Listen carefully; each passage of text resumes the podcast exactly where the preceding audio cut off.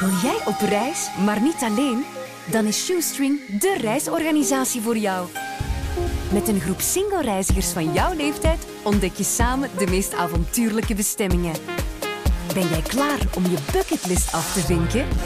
Shoestring, hoe ver kun je gaan? Duidelijk, de morgen. Zo het begin van de topsportschool, de eerste drie, drie vier jaar, kwam er zo'n grote bus van Mensana met zo'n DEXA-scan op de parking van de topsporthal staan. Vanaf dat wij die bus zagen staan, kregen we allemaal stress natuurlijk. Ik herinner mij dat echt perfect. Iedereen deed er alles aan om de dag zelf nog zo weinig mogelijk te wegen. Wij zijn met zo, zo, zoveel. Dat is hallucinant. En ook uh, mannen, vrouwen, uh, ouder, jonger. Um, maar ook mensen die dat al 30 jaar meenemen en zo. Ik vond dat echt hallucinant. Ik werd dan in een rolstoel geplaatst, want ik mocht meer bewegen. Ik heb jaren nadien zelfs bijna niet meer durven wandelen eigenlijk. Gewoon uit schrik, omdat ze me zo hadden wijsgemaakt van... Jij mocht absoluut niet bewegen, want je hebt bewegingsdrang.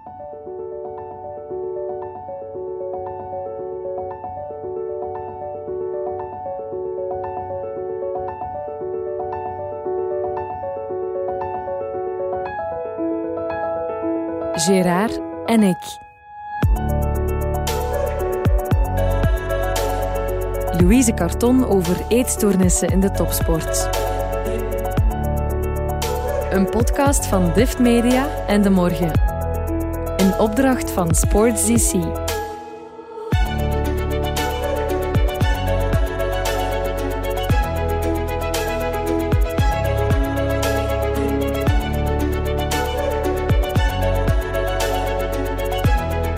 Gerard en ik. Aflevering 4. Ons verhaal. Deel 2.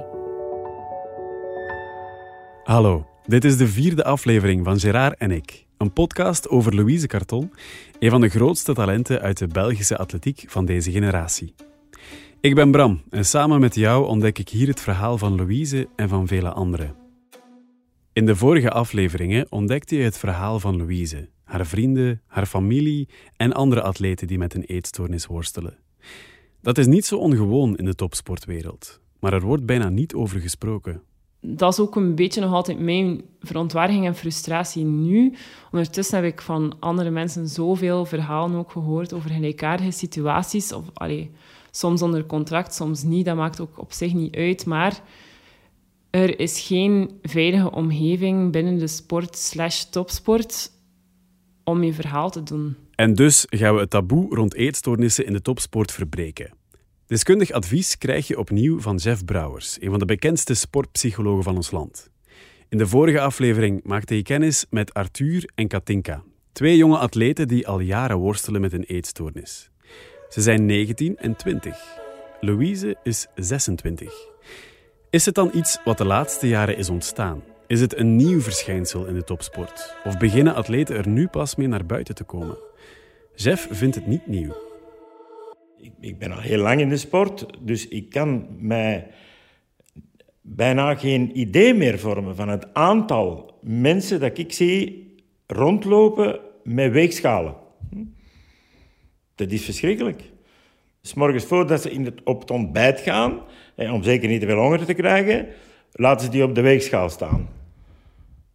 Ja, er worden zoveel, uh, zoveel data verzameld, hè, die maken dat een mens in stukken valt. Hm? Die, wanneer, en wanneer een mens in stukken valt, ja, dan is het klaar. Hè? Omdat je moet, je moet het geheel zien, hè? je moet de totaliteit zien.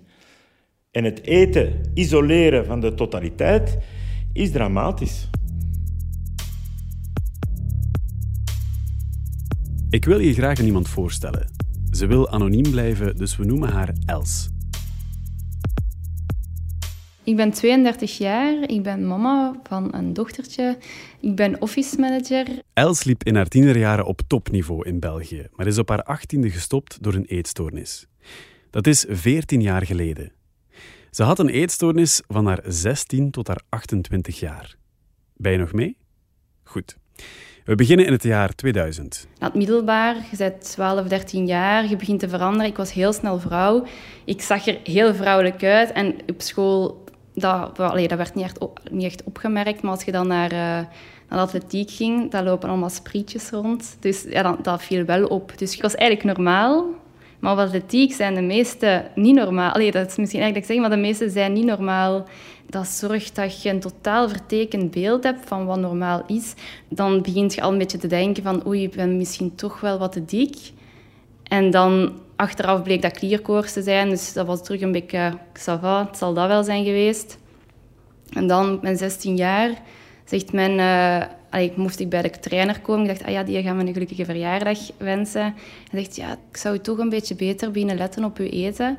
En je bent 16 jaar, je weet niks. Ik wist niks van voeding. Ik had gewoon wat er thuis werd gemaakt.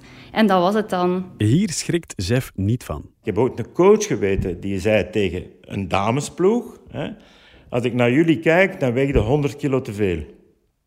Letterlijk, hè. Ja, er zijn er dus onmiddellijk bij die zeggen... Ik zeker van die 105 kilo. En, en dan begint dat, hè. Dan begint je de weegschaal als het belangrijkste instrument in je leven te bekijken. En dan geniet je niet meer. Hè? Ja, dan is het eigenlijk verkeerd beginnen gaan. Dan ben ik eigenlijk op zes maanden tijd uh, ja, meer dan 10 kilo afgevallen. Gewoon door cornflakes en appels te eten. Gewoon te blijven trainen. Ik fietste dan naar school. En dat ging alleen maar beter. Hè. Dus ik kreeg... Wauw, je ziet er strak uit. Goede resultaten. Belgisch kampioen. Meedoen voor Europese, e-, Europese selectie. Dus je denkt, ah ja, ik moet gewoon blijven verder doen. Op een bepaald moment was ik eigenlijk ook ideaal, want ik heb ook een vetmeting laten doen. Dat was toen, toen was ik, denk 7 kilo of zo afgevallen. Toen stond ik super op vlak van eh, lopen minded dan. Dan was mijn percentage was ook heel goed. En dan zeiden ze van oké, deze moet je zo houden. Ja, en dan dat was voor mij, ja, maar hoe, hoe moet ik dat zo houden? Niemand zei me hoe ik dat moest houden. Want ze heeft het vetpercentage bereikt door te overleven op cornflakes en appels. Dus ze vraagt zich af, moet ik dit dan voor de rest van mijn leven blijven doen? Dus wat doe je? Ja, je doet gewoon verder. En dan, dan ging het gewoon te ver. Nu, ik moet eigenlijk zeggen, op een bepaald moment heeft dan mijn trainer wel aan de alarmbel getrokken, want het was hij dan die ook een gesprek bij een psycholoog heeft uh, geregeld. En dan zei die psycholoog van, ja... Um, eigenlijk haar BMI, dat valt nog mee. Dat is nog oké. En ja, dan dacht ik helemaal van... Zie, ah wel... Ik ben en eigenlijk, op dat punt zat ik eigenlijk wel nog al... Allee, zat ik wel al in een fase van... Oké, ik, ik voel me te dik. Dat had ik dan wel. En dan, omdat ze dan zeggen van... Ja, je BMI is nog oké. interpreteerde ik dat van... Ja, maar nu ben ik nog altijd te dik. Nu ben ik al zoveel afgevallen. Nu ben ik nog altijd te dik. Eigenlijk wil Els horen dat haar BMI te laag is. Want ze wil zo weinig mogelijk wegen en dus niet meer in de categorie normaal vallen. Ze wil horen dat haar vetpercentage uitzonderlijk laag is, want daar werkt ze net zo hard voor. Ze wil hier ook een signaal mee sturen. Help, de druk is te hoog. Heel goed presteren op school, heel goed presteren op de atletiek. Iedereen verwacht heel veel van u. Ik denk dat, dat op een bepaald moment dat ik zoiets had van oké, alarmbel, ik, het gaat toch niet zo goed met mij.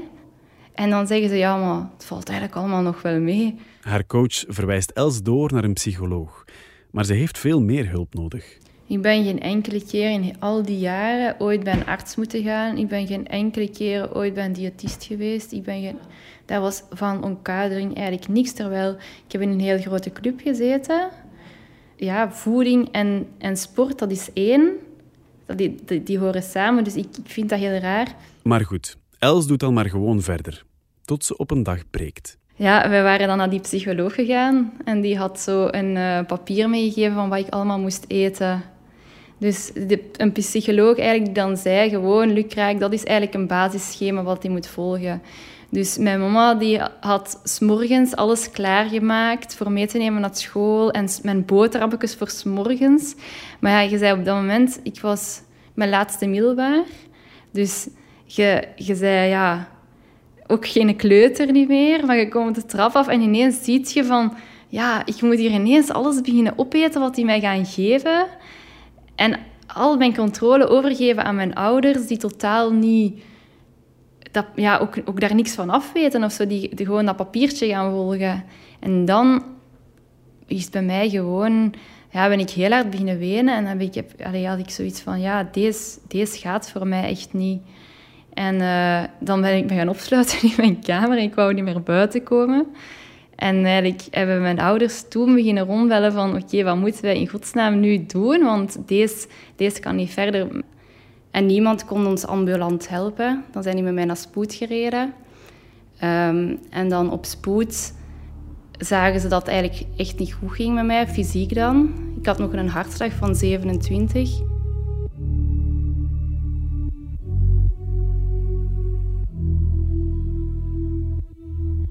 En um, ja, om de x aantal tijd ging dan het alarm, gingen alle dokters die kwamen die kijken, omdat die dachten dat ik er niet meer was, alleen dat mijn hartslag ging stoppen. Dus dan gingen ze me normaal daar houden.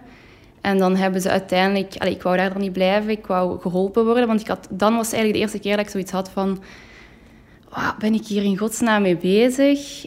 Ik, en ik wou toen ook echt wel geholpen worden. Ik had van, nou ja, geef mij ondersteuning en zorg dat, dat ik terug iets met mijn leven kan doen.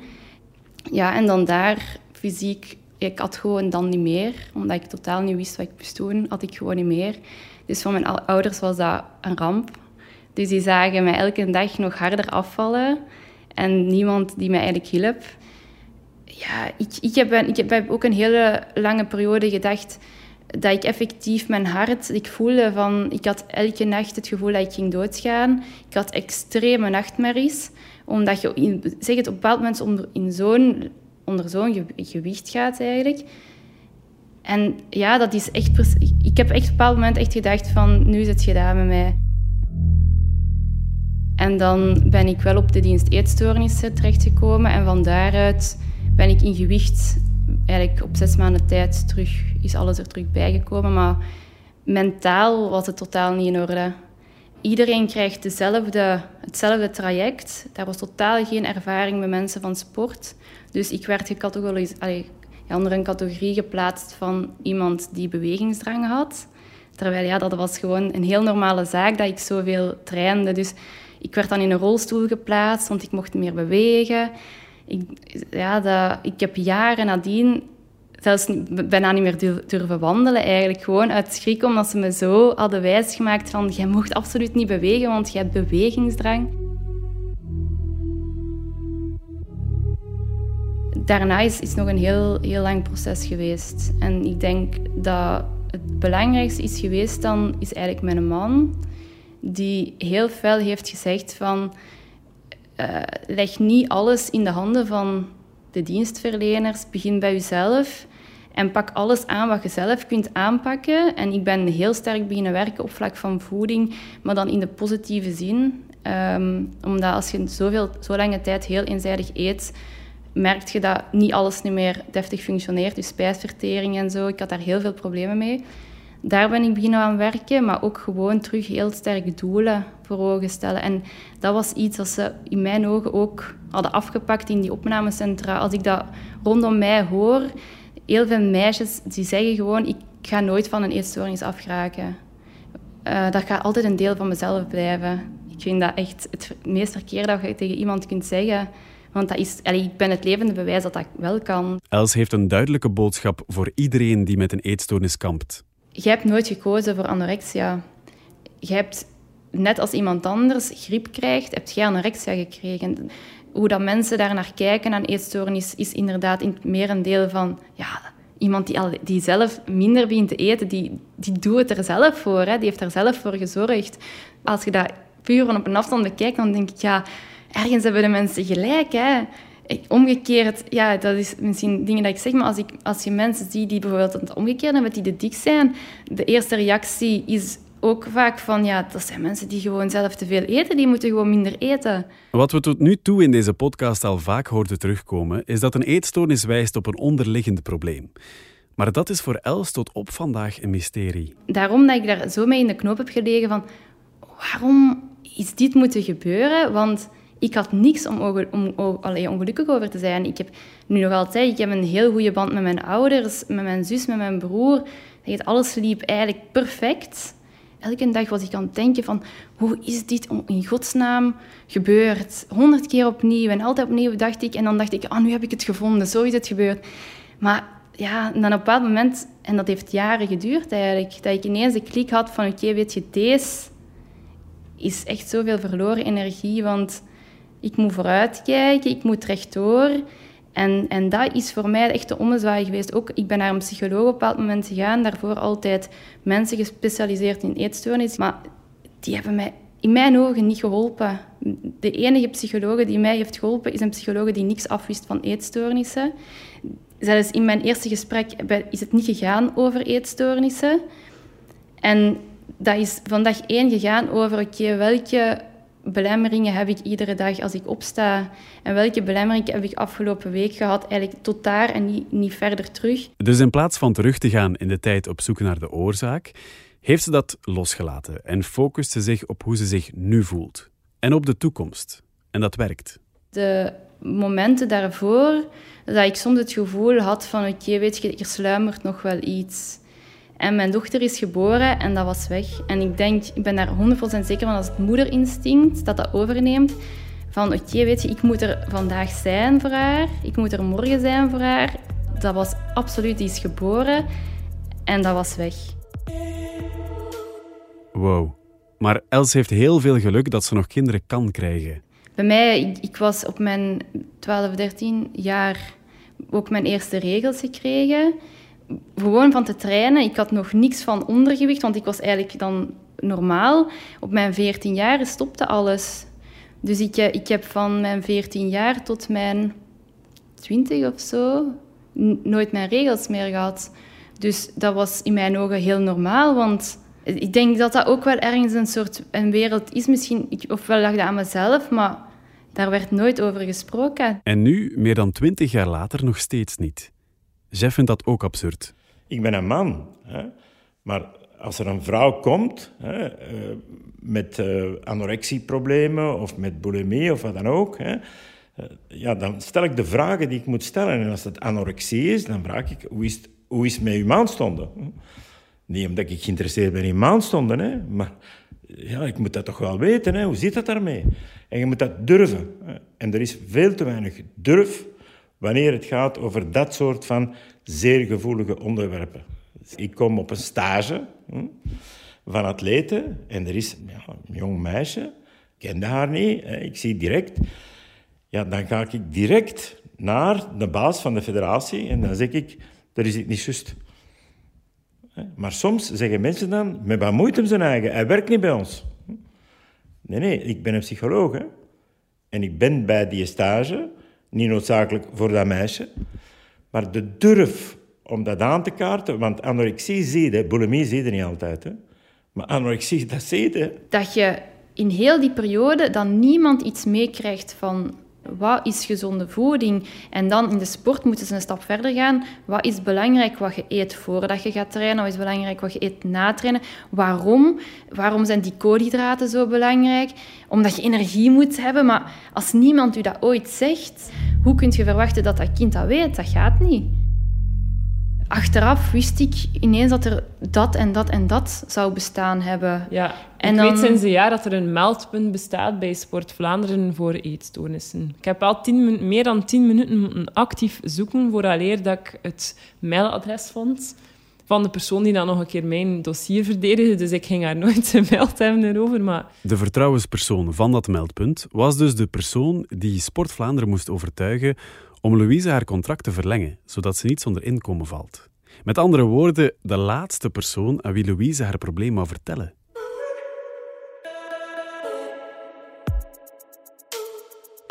Els, je hebt er ongetwijfeld veel over nagedacht de voorbije 14 jaar. Wat kan er concreet beter in de toekomst? Als je mensen een trainerscursus laat volgen, denk ik dat dat niet zo moeilijk is om daar een stuk bij te steken van oké, als je spreekt over iets van gewicht, wat toch in iets is dat belangrijk is bij competitie, en ik vind dat dat ook belangrijk is dat daarover wordt gesproken, want gewicht en resultaten, dat hangt aan elkaar. Maar weet dan dat je niet moet zeggen, ah ja, je moet letten op je gewicht en daar voor de rest niks mee doet. Je moet daar ja, dan zeggen, oké, weet je, er is die voedingsconsulent is er bij de club, die gaat met u een plan opstellen, we gaan het zo doen. Daar moet een vertrouwenspersoon zijn, een dokter, weet ik het. Els wil binnen de sport meer info over voeding, een neutrale vertrouwenspersoon en een structureel plan. Momenteel schiet iedereen pas in actie als een atleet naar buiten komt met zijn of haar verhaal. Maar er moet een draaiboek komen, waarin sportclubs exact weten wat ze moeten doen als hun atleet met een eetstoornis kampt. Welke stappen moeten ze ondernemen? Naar wie kunnen ze hun atleet doorverwijzen?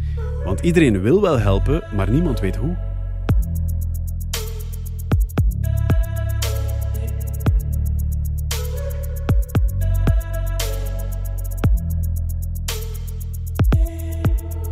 En die contracten, zit dat wel juist? Ja, ik was nog maar 21 jaar. Ik had een heel goed jaar gehad. Uh, zowel op de piste als in het veld. En ja, oké, dan krijg je de kans om een contract te krijgen. En ik had dat ook nodig, gewoon financieel. Ik stond financieel op eigen been.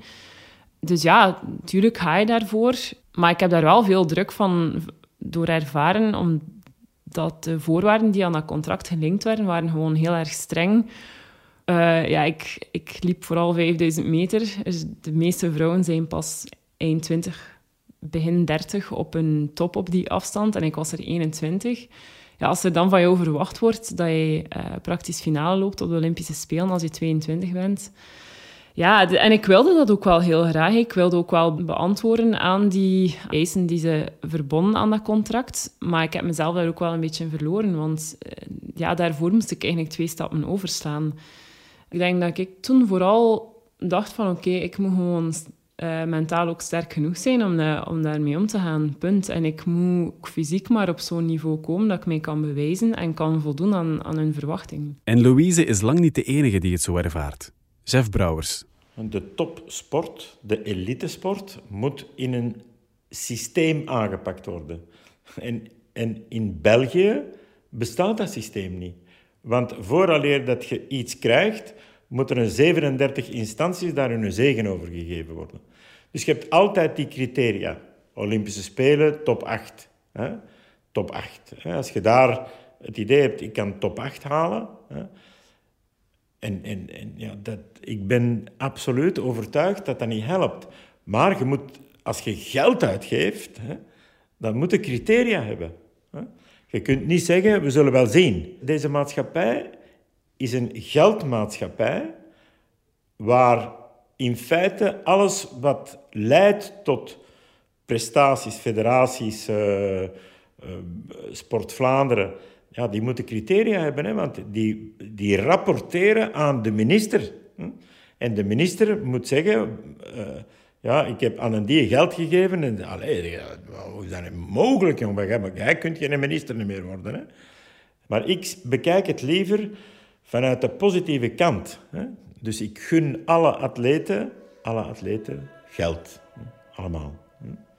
Maar als het geld een doel wordt, dan marcheert het niet. En er zijn talloze voorbeelden van. En ik zal één voorbeeld, en ze gaat mij dat niet kwalijk nemen, maar Eline Berings heeft het beste gepresteerd als zij geen contract had. Milanov heeft jaren een contract gehad, is wereldkampioenschap tweede geworden, Europees kampioenschap tweede geworden, presteerde niet meer na die prestaties. Vorig jaar grote rel in Belek, geen contract meer voor Milanov, heeft nu van de eerste keer teruggewonnen.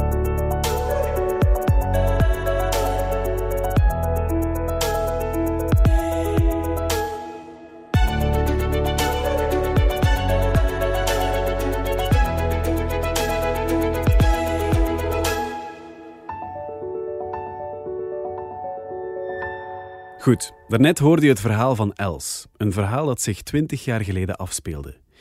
Nu gaan we even naar het meest recente verhaal van allemaal.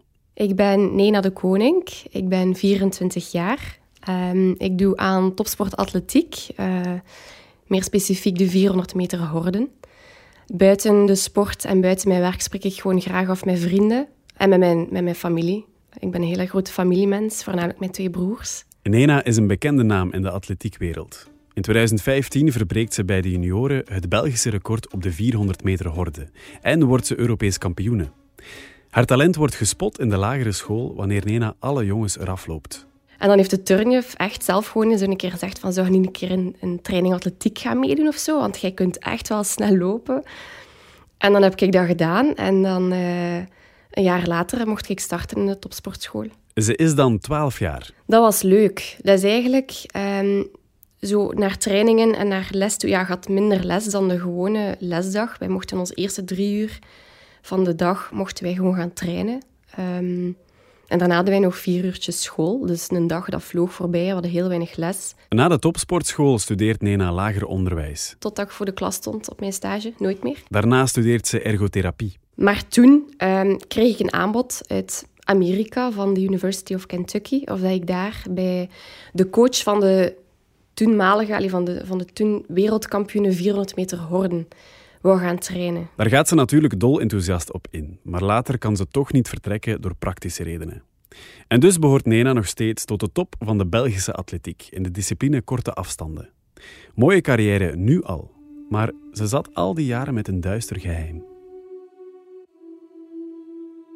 Dat is iets waar ik al van echt kleins af aan, ik denk dat is echt begonnen op mijn zeven jaar, maar toen besefte je dat gewoon niet.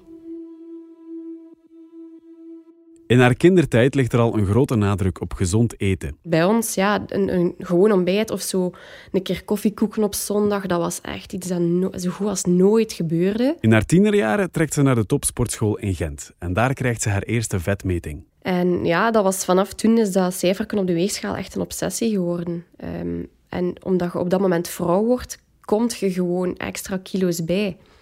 En toen was dat al zo van, ah, Ju, dan moet je zo snel mogelijk terug naar beneden dat gewicht. Um, en toen is dat voor mij ja, is dat gewoon helemaal een obsessie geworden. En eigenlijk ook een beetje in mijn omgeving. Uh, mijn ouders zijn daar op een gegeven moment ook zelf een beetje in meegegaan. Uh, dat ze mij echt heel frequent vroegen van... Kom, we gaan nog een keer op de weegschaal gaan staan. Omdat ze like, die controle over mij altijd wilden hebben. Um, hoeveel dat ik woog. Zo'n vetmeting. Wat moeten we ons daar precies bij voorstellen? Zo het begin van de topsportschool, de eerste drie, drie vier jaar, um, kwam er zo'n grote bus van Mensana met zo'n DEXA-scan op de parking van de topsporthal staan. Vanaf dat wij die bus zagen staan, kregen we allemaal stress natuurlijk. Uh, en ik herinner mij dat echt perfect. Iedereen deed er alles aan om de dag zelf nog zo weinig mogelijk te wegen. En zo'n DEXA-scan, ja, dat meet dus alles in je lichaam. En er was ooit een keer gevallen geweest dat als je heel veel water had gedronken, dat dat dan als vetvrije massa werd gezien en zo. Dus iedereen gewoon heel veel water drinken voordat je daaronder moest. Je gewicht was wel hoger, maar je vetvrije massa was veel hoger in vergelijking met je vetmassa. En dan op een gegeven moment, ehm, als ik echt heel veel blessures na elkaar heb gehad, ja, was ik ook gewoon verzwaard. Want als je niet kunt trainen en ja, dan verbrand je ook gewoon veel minder. Dus ik was echt wel wat kilo's bijgekomen. Um, moest ik dus van mijn toenmalige coach om de drie weken naar UZ in Gent zo'n uh, DEXA-scan laten doen, zo'n vetmeting. Um, dus wat deed ik? Twee weken lang alles eten dat ik tegenkom en de laatste week mij gewoon uithongeren, nuchter trainen, ja, mijn lichaam gewoon volledig kapot maken, zeg maar. En ik heb dat echt regelmatig... Ja, ik moest dat om de drie weken doen voor echt een lange periode.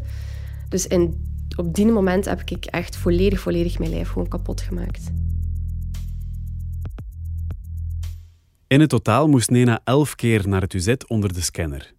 Elf keer, twee weken binge eten, één week zichzelf uithongeren. Nu, bij mij is dat ook heel emotioneel gelinkt.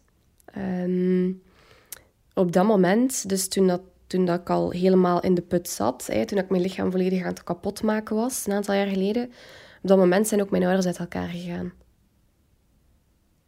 En dat is voor mij echt de druppel gewoon geweest. Ja. Ja, ik, ik kon er niet mee omgaan. Ja, dat was dus... Um, we waren eigenlijk ja, altijd zo'n gelukkig gezinnetje. Hè. Uh, en mijn mama is toen ja, is, is weggegaan. Um, dus dat was al de eerste klap in mijn gezicht, zeg maar. Um, dan Dus dan woonde ik gewoon nog bij mijn papa en met mijn jongste broer. Mijn oudste broer zat al een aantal jaar met zijn vriendin op kot. En dan op een gegeven moment ja, had mijn papa ook iemand leren kennen uit Antwerpen. Ehm, en dan zat mijn papa eigenlijk bijna altijd in Antwerpen, maar ik woonde wel nog altijd in mijn ouderlijk huis. En dan is ons ouderlijk huis in Drongen ook verkocht geweest. Ehm, dat was dan de tweede klap in mijn gezicht. En toen ben ik dus met mijn jongste broer uh, ben ik nog gaan samenwonen in een klein huisje in het centrum van Gent. Uh, dus dat was het laatste deeltje van mijn gezin dat ik nog bij mij had. Um, totdat hij na een jaar uh, ook naar Leuven is verhuisd, dus nog verder weg. Um, dus ja, dat, die laatste warmte van mijn gezin was weg. En daar heb ik het heel, heel lastig mee gehad. Maar kwaad op mijn ouders, nee. Maar wel teleurgesteld. Ja. En elke keer dat ik zo'n slag in mijn gezicht kreeg, is dat gewoon erger en erger geworden. Um, als ik mij slecht voelde, dan, dan greep ik naar eten. Nena verliest haar houvast en zoekt een manier om zich beter te voelen. En dan, ja, dan weten van, ik heb hier nu uh, 2000, 3000 calorieën binnengestoken op één keer. Ah, ik ga mijn wekker wat vroeger zetten. Ik ga een half uur gaan lopen in het park. Op nuchtere maag. Dus nog gewoon veel meer je lichaam kapot maken. Bovenop alle trainingen dat ik al elke dag moest doen. Maar op dat moment sprak je er nog met niemand over? Of? Nee. Dat was allemaal stiekem dat dat gebeurde. Ja.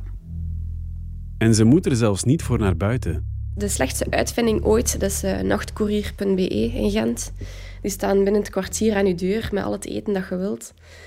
Um, S'nachts, hè, ja. Dus uh, ja, als ik dan gewoon in mijn bed lag en ik was dus van... Allee, dat is dan ineens zo'n stem in je hoofd. Als je je eenzaam voelt, zo'n stem dat iets heeft van... Ah, maar bestel gewoon, hè, dan gaat het voor twee minuten je blij voelen. Ja. En dan deed ik dat ook. Dat was in, in ene knip gewoon mijn laptop openzetten, een volledige pak Côte d'Or chocolade in mijn winkelmand, een pot Ben Jerry's erin. Die stond naar mijn deur en ik had dat in één keer op. Allee, dat klinkt misschien raar, want het is zo gezegd altijd een keuze. Maar op dat moment is de enigste optie is, ja, eten kopen en dat opeten. Ja. Hey, maar nachtcourier.be, ik weet niet of je dat in nu, jong. Ik moest altijd naar de, nacht, ik moest altijd naar de nachtwinkel. Lachen met die miserie, ook zeker belangrijk.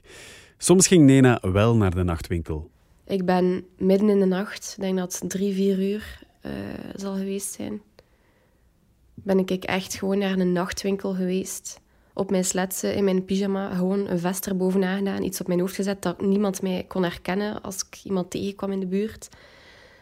Naar de nachtwinkel, gewoon echt uit mijn bed. Ik slaap zo graag, ik raak niet uit mijn bed, maar op dat moment moest ik dat hebben. En ik, wist van mijn eigen dat ik niet ging slapen voordat ik dat binnen had. Dus ik ben dan gewoon, ja... Ik wil niet weten hoe dat, dat eruit gezien moet hebben. Moest er met iemand zien wandelen hebben op dat moment in Gent. Um, ja, naar de nachtwinkel gegaan en daar opnieuw, dus een pot Ben Jerry's, zo van een halve liter, gekocht. En ik heb dat dan in mijn bedje zo zitten opeten. En dan heb ik verder geslapen. En toen werd ik wakker en had ik iets van, wat ik nu weer gedaan? Louise herkent die schaamte ook. Ja, dus ik, jawel, ik was in de kleine Carrefour daar, echt waar. Ik was zo... Gelukkig, allee, het was niet mega extreem, maar ik had wel zo... Weet je alle dingen dat ik anders nooit mocht eten. Nee, zo, ja, chips, koeken. Oh, ik stond van de kassa. En ik had zo door dat er zo voor mij zo een man was met twee kindjes die mij had herkend. Echt waar. Ik ging naar buiten. Die man was gewoon blijven wachten. En die begon daar zo een heel babbel met mij. En ik stond daar zo met allemaal zakjes. oh my god. En ja, dan zo...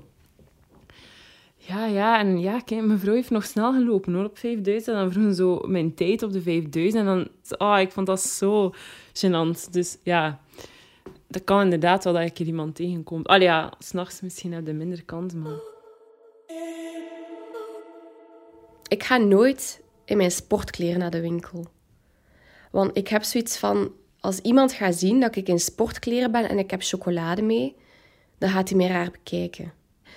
Ik denk altijd dat mensen constant commentaar hebben. Of dat die gaan denken van, hé, maar die heeft sportkleren aan, die sport, mag die dat wel eten? Dat is omdat ik altijd alles in het geniep heb gedaan. Dus als ik dan ja, in een winkel, in een Albert Heijn bijvoorbeeld, waar er superveel volk loopt, waar je ook iemand kunt tegenkomen dat je kent, ja, ehm, dan deed ik zeker geen sportkleren aan. Beeld je dat maar eens in. Maar welke eetstoornissen heeft Nena dan precies? Ik heb dat lang gewoon zo eetbuien genoemd. Ik heb eetbuien, ik heb eetbuien. Pas op, de term eetbuistoornis bestaat ook, maar na een tijdje beseft ze dat het meer is dan dat. Dan kon er maar één term opgeplakt worden en dat was bulimie. Omdat ik op verschillende manieren die eetbuien probeer te compenseren. Onder andere door dus nuchter te gaan sporten op nuchtere maag, dat je sneller in je vetverbranding gaat. Uithongeren, gewoon stoppen met eten. En er is een periode gehad dat ik er alles aan deed, met alle mogelijke pillen en whatever, om mezelf te doen laxeren. Ja. En toen is er ook echt bij mij een belletje gaan rinkelen van wow, dit is echt niet oké wat ik hier aan het doen ben. Nena beseft dat ze bulimie heeft, maar voelt zich enorm alleen, want ze verbergt het letterlijk voor iedereen. Maar dat verandert op 17 mei 2019. Ik herinner mij perfecte post van Louise van ja, een jaar geleden. En bij mij is dat zo het extra duwtje in de rug geweest om mijn probleem ook aan te pakken. Dat is misschien raar om te zeggen, maar dat was gelijk zoiets van: oh, ik ben niet alleen. Dat was een beetje zo'n opluchting van. Allee, dat, ja, dat was echt een kleine opluchting van er is nog iemand dat op hoog niveau presteert, dat daar ook mee sukkelt. Want het is zo'n taboe, daar wordt nooit over gesproken, dus je weet dat echt van niemand. Het zaadje is geplant. Een jaar later zijn we maart 2020. België gaat voor de eerste keer in lockdown. Hierdoor voelt Nena zich nog meer geïsoleerd en alleen. Haar eetbuien worden elke dag extremer en ze verliest volledig de controle. Na enkele weken ziet ze haar mama en zij vraagt... Lukt het een beetje met je weten? Ja, en op dat moment ben ik volledig gecrashed. Ben ik echt beginnen blijten, gelijk een klein kind. Um, en heb ik er gewoon allemaal uitgesmeten. Heb ik haar gewoon gezegd... Wat dat, wat dat probleem is, ja, dat ik de ene eetbui na de andere heb. Dat ik dat probeer te compenseren op alle mogelijke manieren. Heb ik haar dat gewoon ja, eerlijk toegegeven. Um, en zij zei dus van, kijk, je pakt... Allee, allee, even bekomen en pak vanavond uw gsm en belt naar uw trainer en vertel hem dat. Die moet dat weten. Haar mama schrikt dus, maar wist wel dat er iets aan de hand was. Haar trainer valt ook niet uit de lucht. Want op het moment dat ik bij hem ging gaan trainen, heb ik tegen hem gezegd, ik wil dat je nooit vraagt hoeveel ik weeg. Dus bij hem, ja, die wist waarschijnlijk al van oké, die sukkelt wel wat met haar gewicht. Heeft ook in twee jaar nu nooit achter mijn gewicht gevraagd. Het is pas als ik er zelf over begin dat hij met mij er een babbelknover over doet, maar hij gaat nooit zelf vragen hoe dat met mijn voedingspatroon is of hoeveel dat op de weegschaal is, nooit. Dat toont dat haar trainer niet enkel bezig is met data, maar met Nena als persoon. Iets wat Jeff Brouwers bijvoorbeeld ook enorm apprecieert aan een van de bekendste trainers in de Belgische atletiekwereld, Jacques Borlée. Trainer van de Belgian Tornadoes, onze mannelijke 4x400 aflossingsploeg, die vorig jaar brons behaalde op het WK. Ik werk met Jacques Borlée, die altijd een chronometer vast heeft, maar dat is vooral om voor zichzelf te zien hoe dat, dat gaat. Maar de vragen die hij stelt, dat is altijd... Eh, comment est-ce que tu te sens? Que tu te sens? Hm? En wanneer ik dan zie hoeveel atleten van elders komen en bij hem gaan trainen en hoe dat die ineens beter lopen.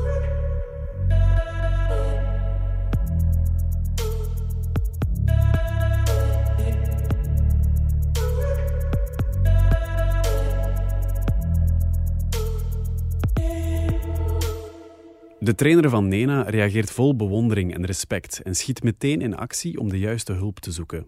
En ja, ineens tijdens het wedstrijdseizoen voelde ik mij gelijk sterk genoeg om dat ook te delen. Op 12 september 2020 gooit Nena haar verhaal op Instagram.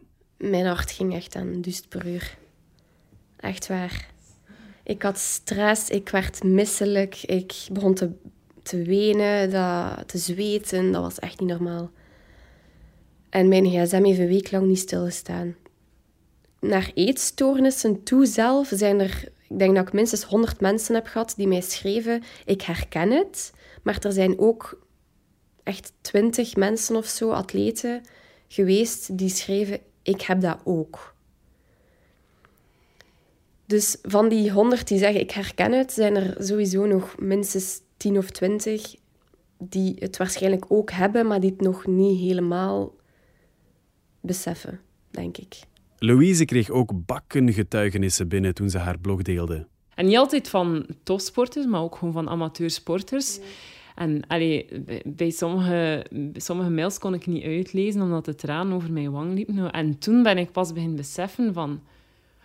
Wij zijn met zo, zo, zoveel. Dat is hallucinant. En ook uh, mannen, vrouwen, uh, ouder, jonger. Um, maar ook mensen die dat al 30 jaar meenemen en zo. Ik vond dat echt hallucinant.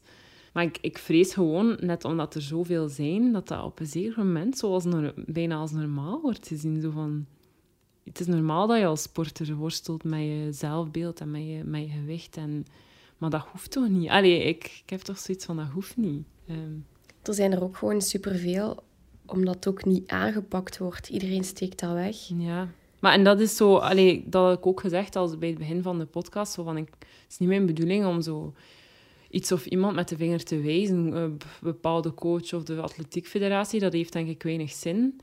Um, maar ja, ik denk dat we ons wel moeten realiseren dat er wel gewoon dingen zijn in die sportomgeving. Die niet, er is geen veilige omgeving om daarover te spreken. En daar, daar gaat het voor mij over. Niet per se dat ze direct al die vetmetingen afschaffen en zo. Maar dat we het niet bespreken is omdat we het gevoel hebben dat het niet oké is. Of, of, of, omdat we schrik hebben voor reactie van een coach of, voor ons contract, uh, waar we financieel afhankelijk van zijn.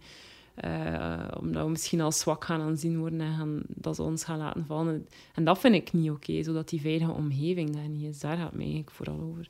En dus willen we ook van jou horen. We willen in kaart brengen hoe groot dit probleem is. Als jij je verhaal kwijt wilt, dat kan ook anoniem, dan mag je dat sturen naar louise.louisecarton.be. En, en ja, en een keer dat je, dat je het zegt tegen iemand dat het wilt zeggen, iemand dat dicht bij u staat, dat kan eender wie zijn, dat kan een broer of zus zijn, dat kan uw coach zijn. Je moet zelf een beetje zo je vertrouwenspersoon vinden waaraan dat je dat wilt vertellen. Voel je direct al gewoon veel beter als je over je miserie kunt praten. Je vertelt dat dan en dan denk je van, ja oké, nu gaat ga mijn wereld instorten, wat gaan die denken? Maar dan zie je eigenlijk, gebeurt er gewoon niks ergs. Het is eigenlijk wel oké als ik erover spreek. En die persoon is niet kwaad op mij, ziet mij nog altijd graag. Of uh, oké, dat is eigenlijk helemaal zo erg niet. En dan, ja, dan ben je soms vertrokken.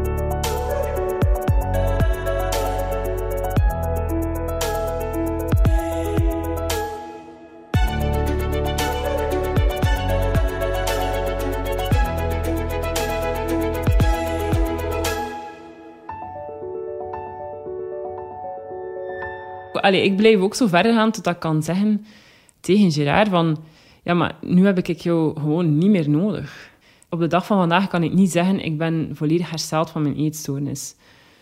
Ik denk dat ik op dat vlak eerder ga kijken van hoe groot is de invloed er nog van op mijn dagelijks leven. Ja, dat er best wel al vaker momenten zijn dat, zo, dat ik ook echt wel gewoon kan eten en verder gaan met, met mijn dag. Zo. En dat zijn dingen dat ik vroeger niet kon.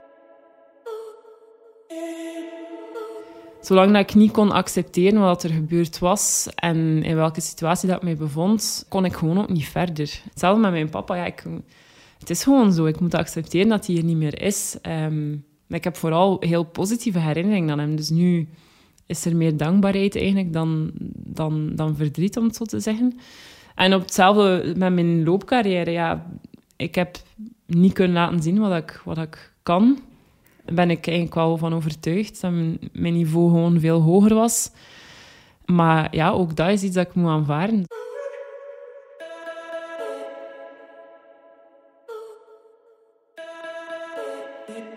Maar vooral, ik denk, mijn leven is veel voller. Ik ga lopen omdat ik dat wil en omdat het weer kan.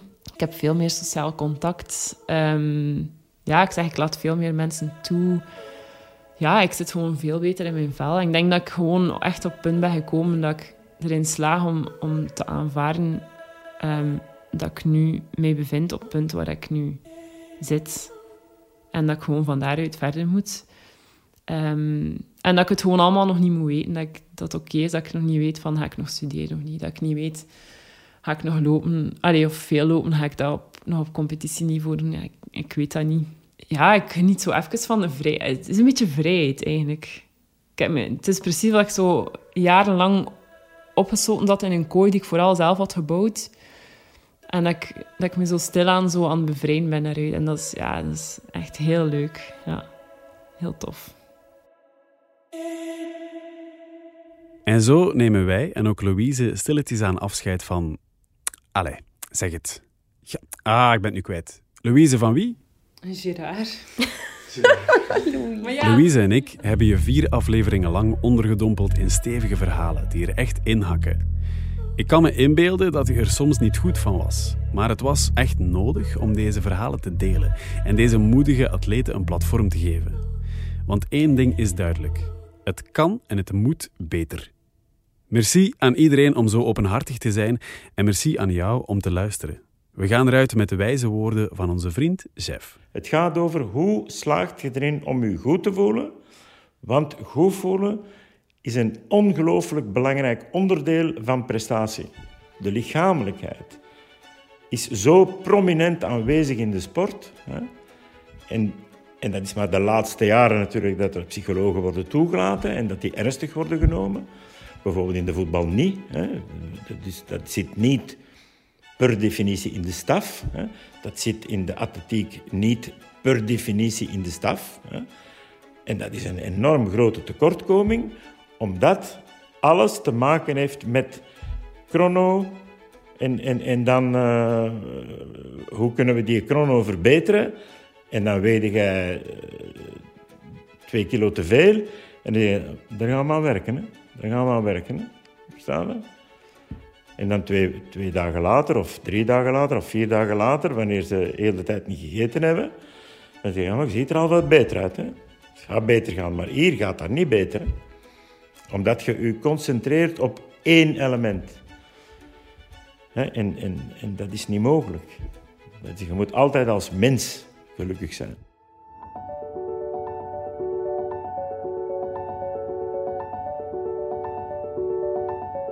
Gerard en ik. Deze podcast werd gemaakt door Bram Vuilsteker en Thais van Burm van Dift Media. Herken jij je in het verhaal van Louise Carton? Dan kun je anoniem contact opnemen met Eetexpert, het kenniscentrum voor eet- en gewichtsproblemen. Alle info vind je op eetexpert.be-contact.